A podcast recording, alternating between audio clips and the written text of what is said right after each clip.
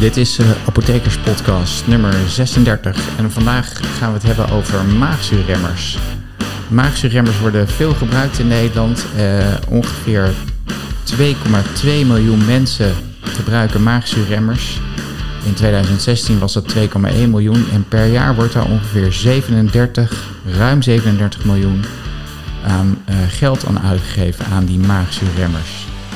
Um, ja, de vraag is natuurlijk, is dat, is dat goed? Is dat niet goed? Uh, waarom worden die middelen nou zoveel gebruikt? Um, misschien goed om even kort te beginnen met bij welke klachten die middelen nou gebruikt worden.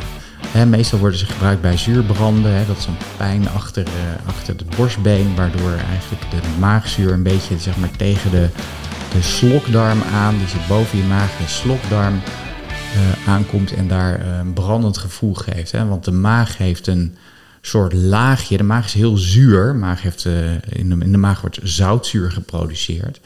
En dat zuur dat is, een, is natuurlijk niet zo heel erg goed voor je weefsel. Hè? Want, want het heeft een, een pH van 1, een zuurgraad van 1. En dat ma de maag zelf heeft een soort beschermingslaagje, maar de slokdarm heeft dat niet. Dus als dat zuur in contact komt met de slokdarm, dan gaat dat natuurlijk pijn doen. Dan vreet dat in. En op de lange termijn kan dat tot, uh, tot klachten leiden en zelfs tot uh, hele ernstige klachten. Uh, mensen die kunnen ook pijn op de bovenbuik hebben. voedsel kan van invloed zijn op maagklachten. Mensen kunnen een opgeblazen gevoel hebben.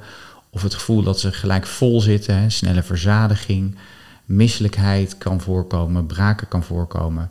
En in sommige gevallen worden daar maag zuurremmers voor voorgeschreven. In ieder geval is het heel belangrijk om te weten dat er een aantal alarmsymptomen zijn. Hè, want je kan de maagzuurremmers kan je ook kopen in, uh, in de winkel zonder recept. En um, het kopen van die maagzuurremmers zonder recept is, uh, dat kan, maar dat, daar moet je wel weten wat je doet. Um, en bovendien moet je ook op tijdig uh, naar de arts gaan als je, als je die middelen heel lang gebruikt zonder dat de arts dat weet. Um, wat zijn nou die alarmsymptomen? Nou, dat is denk ik heel duidelijk op het moment dat mensen last hebben van, van het braken van bloed bijvoorbeeld. Nou, dat is een teken dat er iets niet goed is natuurlijk. Maar ook als er uh, bloed in de ontlasting zit. Dus met name, je ziet dat soms niet als bloed, maar soms zie je het als zwarte, teerachtige ontlasting. Schijnt een hele specifieke geur te hebben ook. Het stinkt, maar het is zwart en teerachtig. Als mensen bloedarmoede hebben, nou ja, dat is vaak alleen bij de huisarts of bij een andere arts te constateren. Uh, aanhoudend braken. Um, en bij, uh, bij pijn als voedsel passeert, bijvoorbeeld door de slokdarm, als dat pijnlijk is, of u heeft het gevoel dat het niet goed gaat. En bij ongewenst gewichtsverlies is het belangrijk om niet zelf te dokteren, maar om echt naar een arts te gaan voor verder onderzoek. En, um, maar, maar, verder is het natuurlijk ook zo dat als je, uh, als je geen alarmsymptomen hebt, maar je gebruikt al heel lang maagzuurremmers, dat het ook geen kwaad kan om toch een keertje te overleggen of dat nou wel eens een goed idee is. Nou, um, de, de maagklachten kunnen ook uh, ontstaan door invloed van medicatie. Een van de bekendste middelen die uh, maagklachten geven zijn uh, pijnstillers. En dat bedoel ik niet paracetamol, maar de NSAID's, de niet-steroïde anti-inflammatoire drugs. Dat zijn ja, pijnstillers als ibuprofen, naproxen, diclofenac. Die kunnen maagklachten veroorzaken.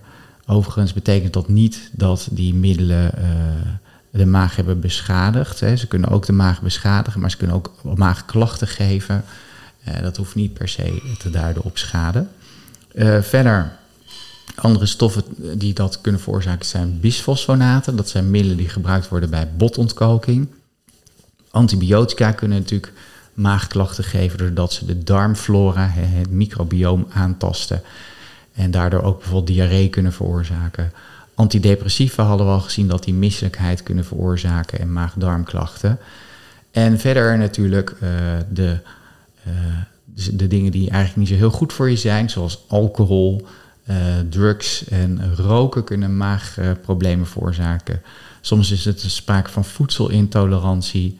Soms kan het ook zijn dat je te strakke kleding aan hebt. Hè? Bijvoorbeeld dat je je riem wat te veel hebt dichtgesnoerd of dat je een beetje aangekomen bent. Waardoor eigenlijk de, de, de, de maaginhoud een beetje naar boven geduwd wordt door die strakke kleding.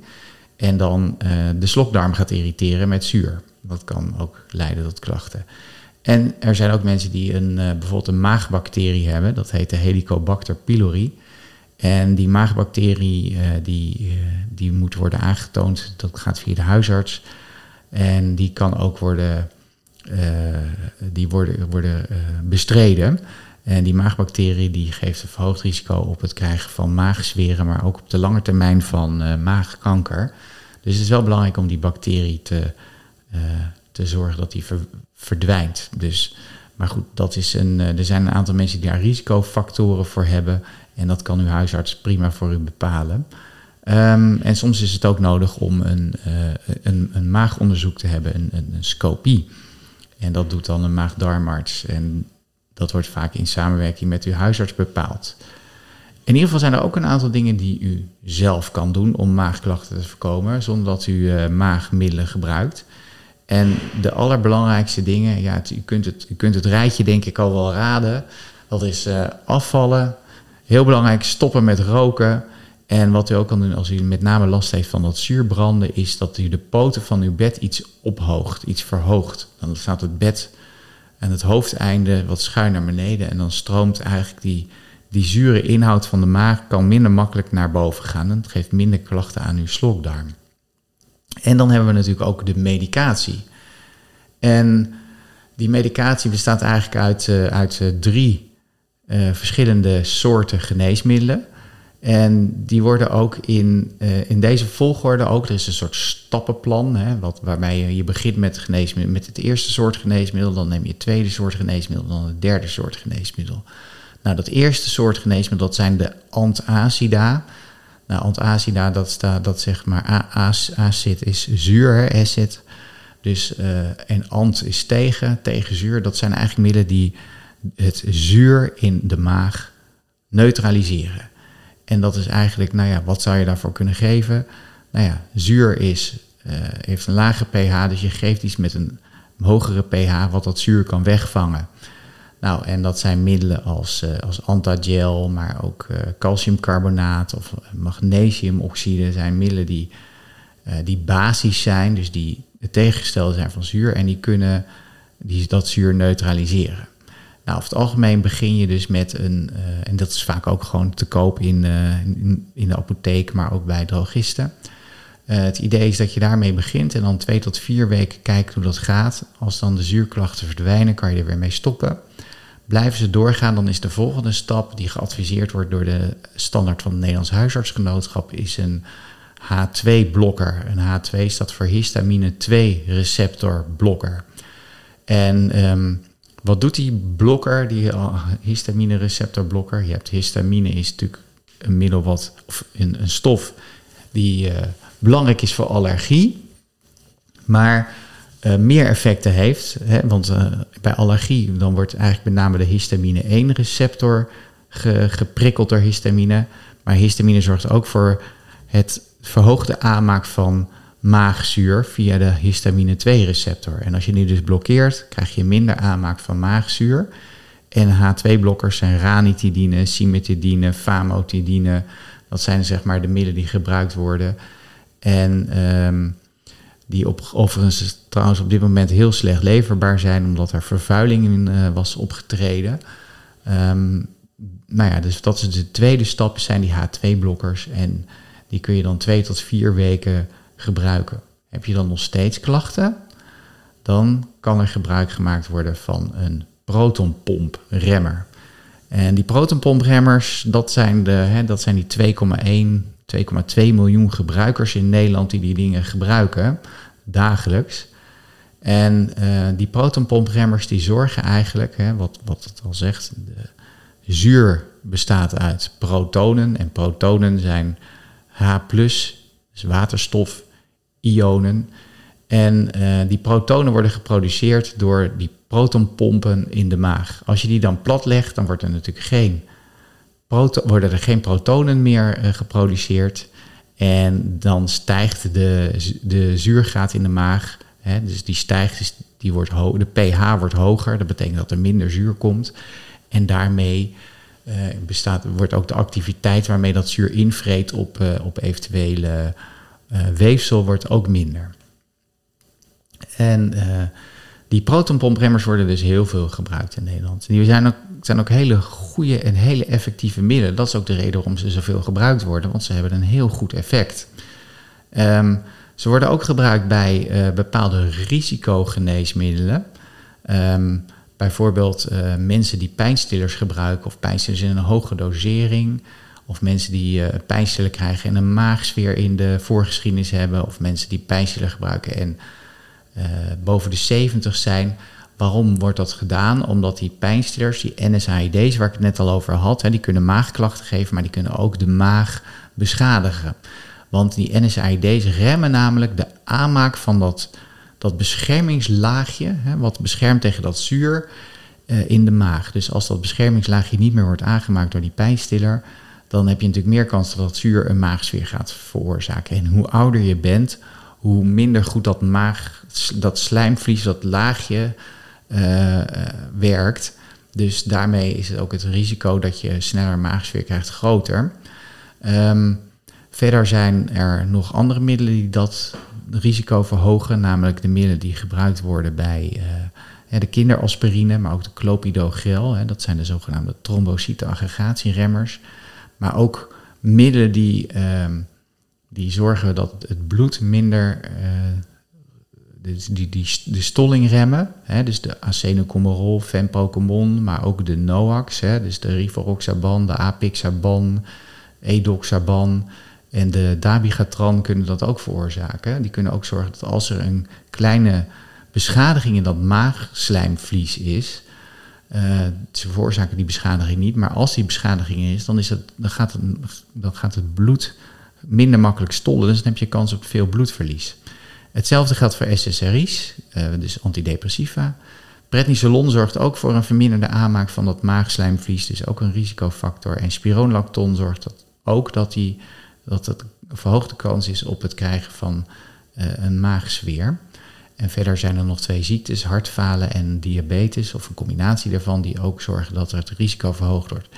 In de apotheek kunnen we uh, dat risico uh, uitrekenen als mensen bijvoorbeeld pijnstillers krijgen en nou ja, er zit een soort scorekaartje achter. En bij een score van 2,5 dan is het, is het een, een overwegen om een maagzuurremmer te geven. En bij een score van 3 of hoger adviseren we dat ook. En u kunt dat in uw apotheek zelf navragen.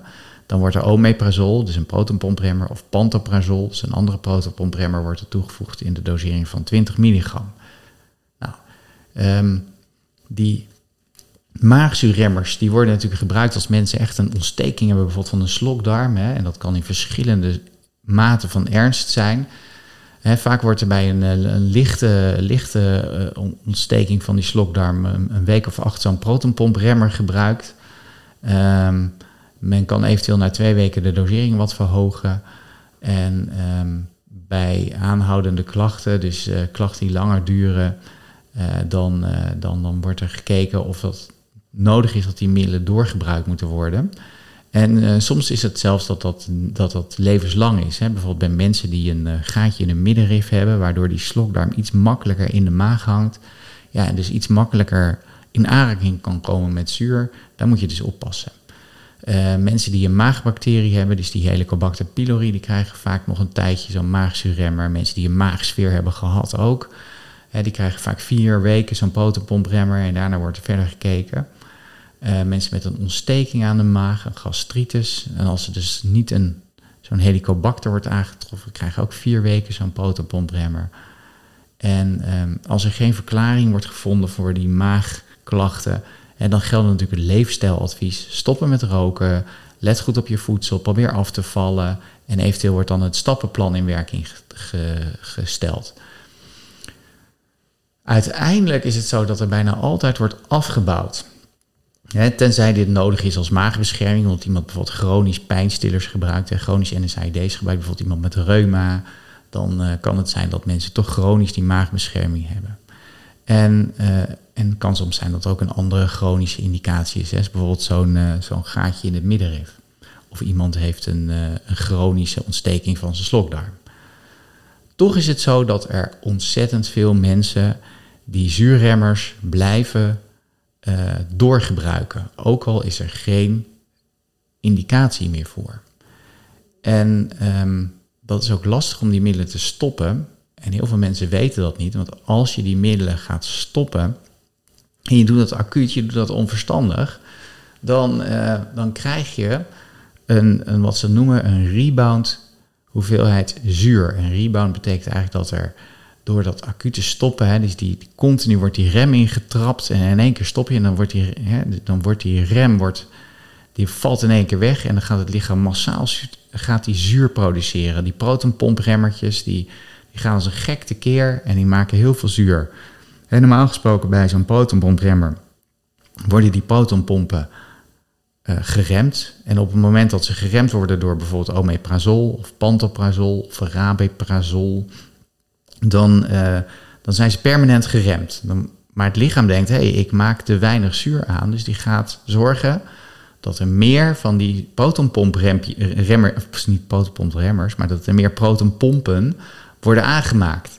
Dus er is een soort stimulans om dan meer protonpompen aan te maken. Dus op het moment dat, dat je acuut stopt met een protonpompremmer, blijft dat lichaam nog even nieuwe protonpompen aanmaken in grotere hoeveelheid en krijg je een enorme zuurproductie. Dus de mensen die proberen te stoppen met die uh, protonpompremmer en het al een tijdje gebruikt hebben, bijvoorbeeld langer dan drie maanden, dan die krijgen dan enorme zuur. En ik denk, oh, ik kan er niet mee stoppen, want uh, ik krijg zoveel klachten weer terug. Die denken vaak dat hun klachten weer terugkomen, terwijl het gewoon het rebound zuur is. Dus um, het is dus belangrijk om dat langzaam te doen en daar kom ik zo op terug. Omdat er zoveel mensen die protonpompremmer onnodig lang gebruiken, nou ja, dat is eigenlijk um, eigenlijk heeft dat ook een aantal nadelen. En daar komen we steeds, meer, steeds meer achter. En die nadelen uh, die zijn, uh, die zijn nou verschillend. Ik, ik, ik ga ze één voor één noemen nu. Um, dit zijn de meest voorkomende, maar er zijn misschien nog wel wat meer nadelen. Maar wat je bijvoorbeeld ziet is dat er mensen een, een groot risico op een bepaalde infectie met een darmbacterie, de Clostridium difficile, krijgen. Uh, dat risico is ongeveer met 50 tot 70 procent verhoogd. En um, ja, dat is een heel moeilijk bestrijden, te bestrijden uh, bacterie, waar je vaak lang voor antibiotica voor nodig hebt om die te, uh, te bestrijden. overigens is de kans misschien dat u het krijgt helemaal niet zo groot. Hè? Ook als het betekent 50% meer kans, als de kans van 1 op 100.000 naar 2 op 100.000 is, dan is de kans ook 50% verhoogd. Maar is misschien het absolute risico niet zo groot. Dus ik wil niet zeggen daarmee dat protonpompremmers ontzettend onveilig zijn. Maar als je ze niet nodig hebt, dan moet je dat denk ik niet blijven gebruiken, omdat er een aantal risico's zijn. Hè? En ook is het risico op, op uh, het, het, uh, het, dat je darm gekoloniseerd wordt met. Uh, met, met bacteriën die tegen heel veel antibiotica resistent zijn, dat, die kans neemt ook toe met wel 75%. En dat is heel erg, na, heel erg vervelend, want op het moment dat je echt antibiotica nodig hebt, moet je wel zorgen dat de organismen die er zitten gevoelig voor zijn. Als die er niet zijn, dan, dan kan het op het moment dat je een infectie hebt eh, tot, tot ernstige gevolgen leiden en moeilijk bestrijdbare bacterie. Er is ook een, uh, wordt ook een verhoogde kans op sterfte gezien bij langer dan 10 jaar gebruik. Die kans is ongeveer 17% verhoogd. Um, als we gaan kijken, er zijn, ik heb twee hele grote onderzoeken gevonden waarin dat onderzocht wordt. En bij de ene zegt, nou, je moet dan ongeveer 22 mensen uh, 10 jaar lang behandelen met zo'n protonpompremmer om een verhoogde sterfte te zien. Dus dat is best een laag getal.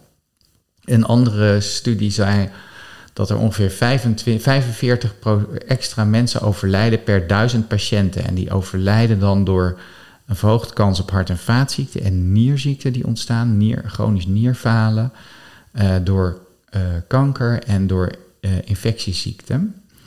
Um, we zien ook bij mensen die langer protonpompremmers gebruiken dat er een, kans, een kans is op een ijzertekort.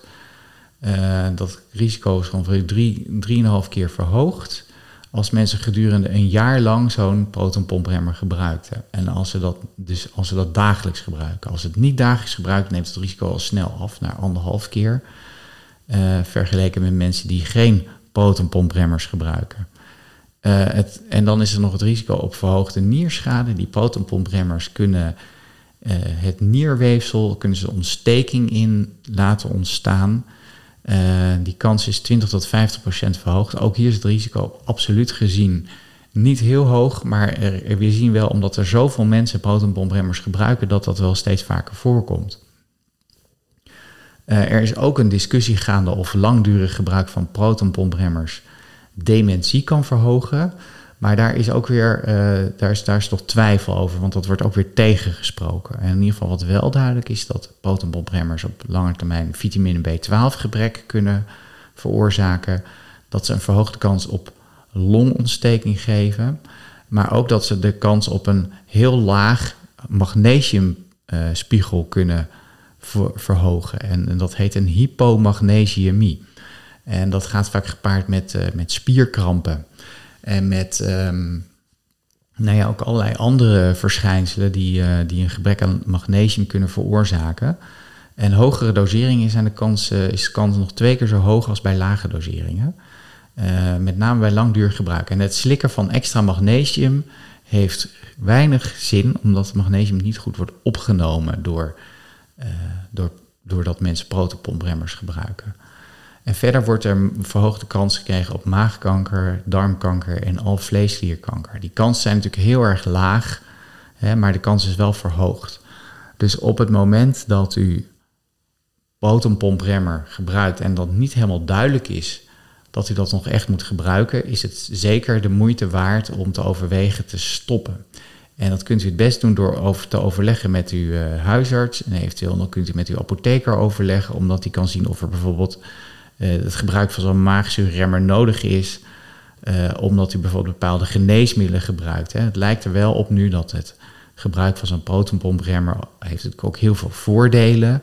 En zeker als het gaat om maagbescherming.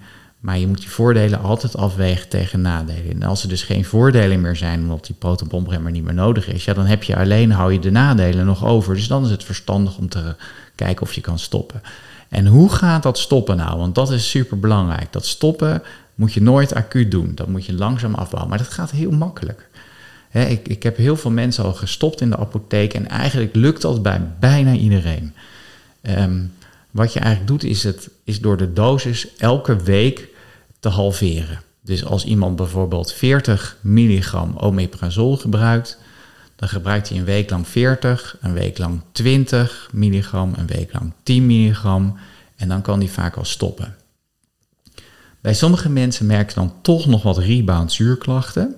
Dus als ze dat hebben, dan kan je ook zeggen van nou weet je, ik zorg dat we tussentijds nog, als ik die rebound zuurklachten heb, dat ik een, bijvoorbeeld een H2-blokker heb of een antacidim heb om die klachten tijdelijk even op te vangen. Maar uiteindelijk lukt het bijna iedereen om te stoppen. Dus dat is goed nieuws. Um, let er dus op dat u, als u gaat stoppen, dat u dat niet op eigen houtje doet, maar dat u dat altijd in overleg doet met uw huisarts of, en dat u ook eventueel uw apotheker raadpleegt. En uh, uw apotheek kan u ook helpen, want stel dat u nou een hele rare dosering, bijvoorbeeld 2 keer 40 milligram uh, omeprazol gebruikt. Nou, hoe moet u daar dan mee stoppen? Dat kan uw apotheker heel goed advies overgeven. En uh, ik, het is ook raadzaam om dat te doen. En uh, die mensen die gestopt zijn, daarvan weet ik dat ze, uh, dat ze zich beter voelden na het gebruik ervan. En wat ook heel erg belangrijk is, blijf letten op het afvallen, stoppen met roken, matig met alcohol. Dat blijft natuurlijk heel erg belangrijk. Ik heb het al heel veel, vaak gezegd in deze podcast, maar blijf daarop letten. En hiermee zijn we aan het einde gekomen van, van deze podcast. Ik hoop dat u het interessant vond. En uh, ja, ik hoop dat u ook, als u het leuk vond, anderen attendeert op het bestaan van deze podcast. En eventueel een positieve review achterlaat op Apple Podcast of een andere provider waar, via wie u podcast beluistert. En daarmee wil ik deze podcast beëindigen. En ik hoop u volgende week weer aan te treffen. Tot de volgende keer.